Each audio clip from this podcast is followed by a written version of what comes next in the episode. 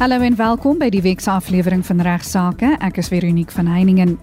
Ignas skop vandag se program af deur eerstens te verduidelik hoe kwotas toegeken word ten opsigte van trofeediere en bedreigde spesies. Hy antwoord ook 'n vraag oor of begunstigdes van boedels ook eksekuteurs kan wees. In die tweede deel van regsaake sluit my spesialis gas Johan Botus, arbeidsregkenner en hoof van die internasionale regsfirma Baker McKenzie se arbeidsregafdeling in Johannesburg by my aan om te praat oor stakings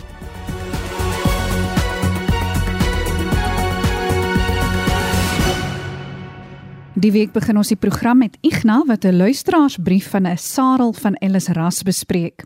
Dit handel oor die jag van wild.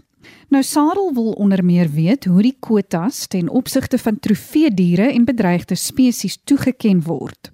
Goeiemôre luisteraars, dit is altyd vir my 'n groot plesier en 'n lekkerte en 'n voorreg om met u te gesels oor regsaake en ek doen dit namens die prokureursorde van Suid-Afrika.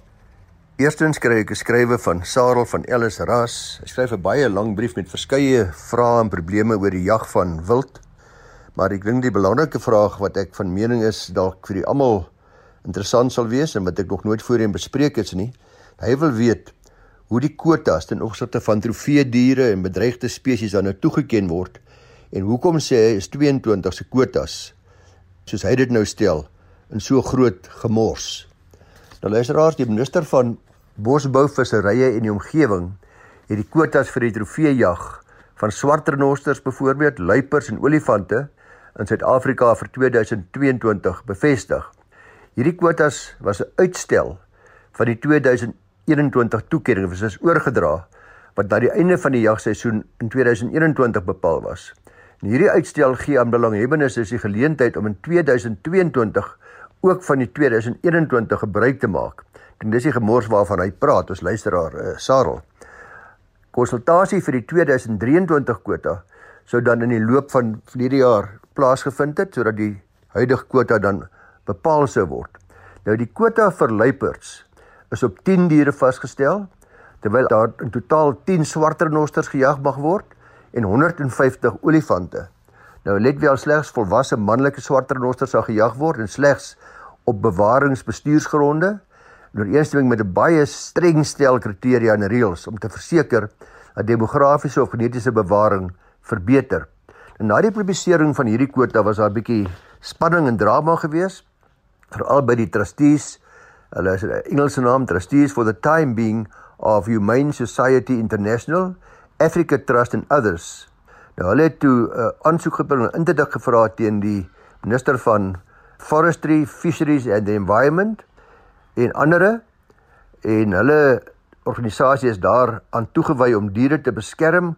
Hierdie dringende inderdik is dus versoek hangende die hersiening van 'n besluit wat deur die minister geneem was om hierdie kwota daar te stel en dit dan oor te dra na die volgende jaar.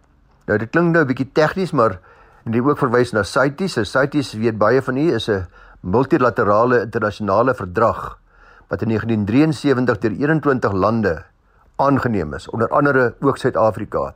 Vandag is ons nog steeds lid van CITES en die oorkoepelende doel van CITES is om die wêreldwye handel in bedreigde spesies, wat onder andere wilde diere en plante te reguleer.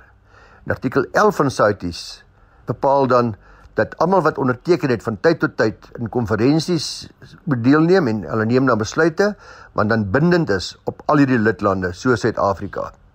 Van belang is dan ook dat in gevolge die regulasies soos uitgevaardig onder hierdie wet op nasionale omgewingsbestuur, dis die NEMBA wet, biodiversiteitswet van 10 van 2004, is swart renosters, luiperds en olifante onderskeidelik as bedreigde, kwesbare en beskermde spesies gelys. As ook 'n tweede stel regulasies, dis die bedreigde of beskermde spesies regulasies, die TOPS regulasies, TOPS.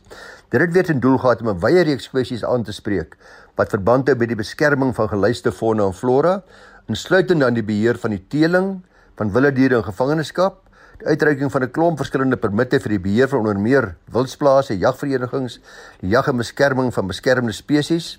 Dis word die toelaatbare jag van swart renosters, luiperds en olifante vir trofeedoeleindes baie streng beheer binne Suid-Afrika deur middel van so 'n permitstelsel. En dis dan wanneer die minister nou kom en hy of sy bepaal die kwotas vir sulke jagters terwyl die LER die gesag het om individuele permitte uit te reik. Die applikant het aangevoer in hierdie geval dat ingevolge die regulasies 'n permit slegs vir die uitvoer van enige beskermde diere toegestaan mag word sodra die wetenskaplike owerheid die voorgestelde kwota geëvalueer het. Nou dit is hier waar die probleem gekom het want hulle sê wat die 2021 kwota vir luipers betref, was die applikante baie krities oor die evaluering van die wetenskaplike owerheidsverslag. Wat swarternosters betref, het die applikant verklaar dat terwyl daar 'n konsep gesirkuleer is, was daar geen finale konsep deur die wetenskaplike owerheid vir hierdie kwota ingedien nie. Hulle het verder aangevoer dat die minister se proses waarin daar 'n konsultasie gehou moet word met betrekking tot die vasstelling van 'n kwota vir 'n bepaalde jaar, die toepassing daarvan in die daaropvolgende jaar ontoelaatbaar was. So as ek kon dit nie weer net uitstel na 'n volgende jaar of oordra na 'n volgende jaar toe sodat daar weer behoorlike konsultasie plaasvind het nie. Die hof het absoluut hiermee saamgestem. Hy sê dis onbillik om partye te nooi om te konsulteer oor 'n kwessie waarin die besluit nie oor tyd gebonde is, die tyd al eintlik reeds verby was veral waar daardie deelnemende proses toegepas moes word oor 'n tydperk waarin daar geen konsultasies gehou was nie. So die hof gee die aansoekers gelyk en die interdik word toegestaan. Gevolglik was die minister verplig om daardie kwotas vir 2022 te herroep en te hersien. Ek sou graag as iemand dalk weet wat gebeur het in 2023, dit waardeer as u dalk vir my inligting daaroor stuur na igna by vvd.co.za. Baie dankie ook aan Willem van der Merwe, 'n prokureur hier van Rustenburg wat vir my navorsing gedoen het. Goed, Igna bespreek nou nog 'n luisteraarsbrief wat die keer handel oor boedels. Die luisteraar wil weet of 'n begunstigde van 'n boedel ook 'n eksekuteur van die boedel kan wees. Dan my laaste bydrae vir regsaake vandag is 'n skrywe wat ontvang is van Kramer wat gerig is aan Meronique, wat handel met verskeie vrae oor boedels. Baie dankie ook vir die mooi komplimente in jou skrywe Kramer. Ek het uh, ek is 'n bietjie ydel en ek hou van daarvan dat mense rug gekrap word soos ons almal maar seker is, maar sy sê sy en baie ander mis nooit regsaake nie. En baie dankie ook vir al die ander luisteraars wat van tyd tot tyd hulle waardering teenoor ons program uitspreek. Ons waardeer dit opreg. Dan het ek hierdie vrae verwys na die boedelspesialis wat jy nou al ken, Volker Kreer daar by van Velden Duffy Rustenburg en sy vra die volgende vraag. Sy kan 'n persoon wat 'n begunstigde is in 'n boedel ook die eksekuteur wees. Nou Volker het met al hierdie vrae wat sy vra gehelp en hy sê daar's geen regsreël wat 'n erfgenaam verbied om ook 'n eksekuteur te wees nie. Mens kan natuurlik wel dikwels met boedels te doen waar die feit dat een van die erfgename ook sy ook 'n eksekuteur is, wel tot spanning en misverstande aanleiding gee. Ek het dit al baie in my praktyk gesien dat 'n erflater het 'n paar kinders, een van die kinders word 'n uh, eksekuteur of eksekutrise en dan is daar gereeld baie agterdog by van die ander kinders oor wat daardie eksekuteur dan nou aanvang of eksekutrise en of hy billik verdeel ensovoorts en uh, dit kan natuurlik baie baie spanning in die familie veroorsaak en in sulke gevalle is dit dikwels beter om maar 'n onafhanklike professionele eksekuteur te benoem en soos u weet word dit baie in praktyk gebruik dat 'n eksekuteur of eksekutrise dan maar na 'n prokureur toe gaan om hulle behulpsaam te wees met die afhandeling en bereddering van die boedel en gewoonlik op 'n basis wat daarop fooie ooreengekom word. Dan vra sy ook mag so 'n persoon die testament onderteken as getuie. Met ander woorde, die begunstigde of die eksekuteur mag hulle die testament onderteken as getuie en ons weet almal dat dit is uitgangspunt word 'n getuie van die testament. Dit is so belangrik om dit weer net te luister na. Gediskwalifiseer om in gevolge daardie testament te erf behalwe tot die mate waarin die getuie in elk geval in gevolge die intestate erfreg sou erf. Maar maak dit baie seker dat jou erfgename nooit, let wel, nooit as getuies vir jou testament teken nie. Jy sien dit so baie daar sommer 'n handgeskrewe dokumentjie daar by plaas opgestel word en die kinders is die naaste die vrou en hulle teken sommer almal as getuies en dan is hulle ook die erfgename ongelukkig is hulle gediskwalifiseer om gevolge daardie testament enigstens te erf behalwe die gedeeltes wat hulle in elk geval sou erf gevolge in die state erfreg. So weer eens kry maar liewer professionele hulp om seker te maak dat jou testament aan al die formaliteitsvereistes voldoen vir ondertekening. Dan vra sy mag die eksekuteur iets neem van 'n begunstigde vir iemand anders gee om wie dit nie benoem is nie. Die antwoord is uiteraard nee. Dis 'n maklike antwoord want die eksekuteur moet uitvoering gee aan al die bemakings en erflatings in die testament. Hy's gebonde daaraan. Of dan as hy nie 'n testament is nie aan die reëls van die interstate erfreg. Hy kan nie sommer self besit hy of sy om 'n erfporsie of deel daarvan iemand anders te gee nie. Wat wel natuurlik kan gebeur tussen die erfgename, hulle kan 'n herverdelingsooreenkoms opstel, want dit is iets heel anderste. Dan voorlaaste vraag wat sy vra is ek en my vrou, liewer skien as hy, hy en sy vrou bly in my broer se boedel, se huis. Ek doen dit vir my broer om plek op te pas sodat die plek nie in die gronde gaan nie. Dan vra hy wie's nou verantwoordelik vir die munisipale rekeninge? Daar is so wat 500 000 rand kontant in die boedel, dis genoeg om alles te betaal. Moet die plante en die, en die water gee en al daai dinge, al die versorging wat ek doen en al die sekuriteitsligte en goeder wat ek moet betaal, moet dit nie tot my voordeel wees nie. Nou uitgawes luisteraars om bates van 'n boedel te beskerm en op te pas, sal as 'n reël uit die fondse van die boedel betaal word. So die eksekuteur sal dit goedkeur. Dieselfde sou dus as 'n reël ook geld vir die uitgawes wat aangegaan word om die huis op te pas. As daar byvoorbeeld nou sekuriteit nodig is. Ek sou dus 'n uh, eh, voorstel en soos Volker ook dat die luisteraar dit met die eksekuteur opneem en uitklaar, maar ek vermoed aan die ander kant is die probleem hierso dat die eksekuteur gaan argumenteer dat die luisteraar nie gratis in die huis kan bly nie, maar dat hy normale huurgeld moet betaal wat markverwant is omdat daar ook ander sogenaamde begunstigdes is wat 'n voordeel moet kry en natuurlik dan markverwante huur betaal, maar dan die voordeel kry vir sekere uitgawes soos die eksekuteur goedgekeur na gesprek. Die alternatief sou wees vir die meeste eksekuteurs of eksekutrises om te sê maar toe maar ek sal 'n ander huurder kry wat dan wel huurgeld sal betaal en ook sommer die plek oppas soos enige ander huurder as die luisteraar dan eintlik nie daar wil bly nie en dit bloot as 'n guns doen om sy broer te help. Dan laastens sê ek het 'n voertuig by my skoonma se boedel. Dis my die broer se vrou geërf. Wie moet hierdie voertuig lisensie betaal? Wat nou natuurlik geldig is. Die voertuig is nog op haar naam, maar die boedel is nog nie afhandel nie. Daar's meer as genoeg kontant in die boedel by die prokureurs. In hierdie geval ook geen klink klare antwoord nie, maar ons sal gewoonlik reël met die erfgename dat hulle self, dis nou die erfgenaam van die voertuig, dat hulle self die lisensiegeld betaal en reël dat die voertuiglisensie hernu word, want dan kan hulle dit so lank gebruik en hulle lisensie skuifie op die voertuig verkry. Maar 'n mens kan ook met reg argumenteer dat dit eintlik 'n uitgawe is wat die onderhoud van hierdie voertuig betref wat die boedel moet dek totdat die lisensie eendag oorgedra is aan hierdie betrokke erfgenaam wat die voertuig geërf het. Maar ek sou die luisteraar aanraai om dit op daardie basis by die betrokke eksekuteur op te neem en dalk by hom toestemming te kry dat die lisensie hernu word en dat u die voertuig kan gebruik op die kostes van die boedel totdat die lisensie formeel aan u oorgedra is waarna u verantwoordelik gaan wees vir verdere lisensiegelde. Dankie aan Igna en ook aan Volker Kreur van van Velden Duffy Prokureurs in Rustenburg vir julle interessante bydraes vandag. Die week verwelkom ek graag vir arbeidsregkenner Johan Botha terug by regsaake. Johan is die hoof van die internasionale regsfirma Baker McKenzie se arbeidsregafdeling in Johannesburg en hy praat die week oor stakings. Hy gaan vandag onder meer vir ons verduidelik wie aan stakings mag deelneem, wanneer hulle mag staak en waaroor hulle mag staak. Welkom terug by regsaake Johan. Nou Johan, sê nou maar ek is ongelukkig oor my salaris en glo dat my kollegas ook so voel. Kan ek op 'n staking gaan en aandring op 'n salarisverhoging? Alhoewel die grondwet vir elke werknemer in Suid-Afrika die reg gegee om te staak, word daai reg vasgevat in die raamwerk vir daai reg om te staak is vasgevat in die wet op arbeidsverhoudinge.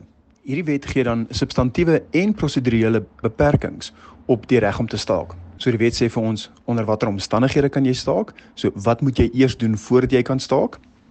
Wie kan staak en ook waaroor jy kan staak? So kan ons luisteraar staak waar sy ongelukkig is oor haar salaris. Die definisie van 'n staking is die kollektiewe weerhou vertraging of obstruksie van werk. So opsig op jouself kan jy nie 'n kollektiewe weerhouding van werk of vertraging van werk of obstruksie van werk daar te meebring nie. Maar waar sy sê dat sy en haar kollegas so voel, kan sy miskien wel oor die eerste hekkie kom om wettiglik op so 'n staking te kan gaan. Nou watter stappe moet sy en haar kollegas volg om te kan staak? Wel, eerstens sal hulle dispuut moet verklaar by die kommissie van versoening, bemiddeling en arbitrasie. Die KVBA sal dan 'n versoeningsgesprek opsit tussen die partye insluitende die werkgewer met die doel om die onderliggende dispute tussen hulle op te los. Indien daardie dispuut nie opgelos kan word nie, sal die KVBA 'n sertifikaat uitreik om te bevestig dat die dispuut wel nog hangende is en dit sal die werknemers in staat stel om die werkgewer kennis te gee van hulle beplande staking. Johan, kan werknemers staak oor enige ongelukkigheid aangaande hulle salaris? Nee. Die Wet op Arbeidsverhoudinge plaas nie net prosedurele beperkings op werknemers se reg om te staak nie. Daar's ook substantiëre beperkings. Die wet sê daar is sekere aangeleenthede waaroor jy nie kan staak nie. En dit sluit in onder andere dispute wat deur 'n hof of deur 'n arbitrasie besleg kan word. As 'n voorbeeld, ek is geregtig op ek soveel uit salaris elke maand as my werkgewer nie my salaris betaal nie, kan ek nie op staking gaan omdat my salaris nie betaal is nie, want ek kan na die hof toe gaan en 'n bevel teen die werkgewer kry om my salaris te be te betaal. So waar ek 'n reg het of dit nou uit kontrak voortspruit of wetgewing en 'n hof kan daai dispuut oor die reg besleg, dan mag ek nie die wet in my eie hande neem en gaan staak daaroor nie. So wanneer werkgewers ongelukkig raak in die werksplek, is dit altyd 'n goeie ding om te besin oor of daar 'n onderliggende reg is wat deur die KVBA of hof afgedwing kan word. Want indien wel, sal dit die werknemers ontneem van die reg om te kan staak om daardie dispuut te besleg. En as die luisteraar voel sy wil 'n bonus betaal word, maar haar dienskontrak is stilwyend oor so 'n bonus, kan sy na die KVBA gaan en kla omdat sy nie 'n bonus gekry het nie. As jy nie 'n reg het tot 'n bonus byvoorbeeld nou nie, kan die KVBA nie jou werkgewer beveel om jou bonus te betaal nie of 'n hof kan ook nie dit afdwing as 'n kontraktuele bepaling nie want die dienskontrak is stilswyend tot 'n reg tot 'n bonus. Dit sal dus 'n klassieke geval wees waar die luisteraar en haar kollegas wel geregtig kan wees om te staak om so reg te vestig. Op die oomblik is daar nie 'n reg in 'n dienskontrak tot 'n bonus nie. As hulle voel hulle wil graag 'n bonus hê en hulle is behoort geregtig te wees op so 'n bonus, kan hulle op staking gaan om die werkgewer te dwing om in te stem om vir hulle so 'n bonus te betaal. Daardie bonus kan dus vasgevang word in die dienskontrak daarna of in 'n kollektiewe ooreenkoms en die toekomstige reg tot daai bonus kan afgedwing word deur die hof in toekoms. Maar om eers daai reg te bevestig of te verkry, kan die luisteraar na haar kollegas op staking gaan en sodoende die werkgewer dwing om daai reg tot 'n bonus te skep. En net ter afsluiting, 'n laaste vraag. Hoe gemaak indien die luisteraar se kollega 'n bonus ontvang het maar sy nie? 'n Werknemer kan wel na die KVBA gaan en kla oor die billikheid van 'n werkgewer se besluite aangaande voordele soos 'n bonus byvoorbeeld. 'n werkgewer is onder 'n algemene verpligting om billik op te tree in alle handelinge waar werkers betrokke is. So as ek as werkgewer dus my diskresie uitoefen en sê jy persoon A kry 'n bonus maar jy persoon B kry nie 'n bonus nie, dan moet ek daai diskresie billik uitoefen. Ek kan nie onbillik diskrimineer teen partye op beskermde gronde nie. Ek kan nie arbitrêr optree nie en ek mag ook nie wispelturig wees in die uitoefen van daai diskresie nie die werknemer se reg tot billike arbeidspraktyke kan dan beslis word deur die KVBA waar die tribunaal kan besin oor my uitoefen van my diskresie en ek moet toon dat daar 'n geldige besigheidsrede was vir my besluit dat daar geen onbillike diskriminasie is op beskermde gronde nie en dan behoort die KVBA my gelyk te gee dat ek my diskresie as werkgewer billik uitgeoefen het deur vir persoon A 'n bonus te gee, maar nie vir persoon B nie. Wat die reg tot staking dus aanbetref, is die belangrike punt om te onthou dat daar 'n proses is wat gevolg moet word voordat werknemers wel op staking kan gaan en daar daar sekere onderwerpe is wat nie die grondslag vir 'n staking kan wees nie. Dis ongelukkig alwaarvoor ons die week tyd het. Ek bedank graag vir Ignas Kleinsmid en vir Volker Kreur, beide van van Velden Duffy Prokureurs in Rustenburg vir hulle bydraes tot vandag se program. En natuurlik ook vir Johan Botus van Baker McKenzie se arbeidsreg afdeling in Johannesburg vir sy interessante bydrae tot vandag se program. Vir enige navrae stuur gerus 'n e-pos na my toe by vero@rsg.co.za. Van my Veronique van Heiningen, groete tot volgende week.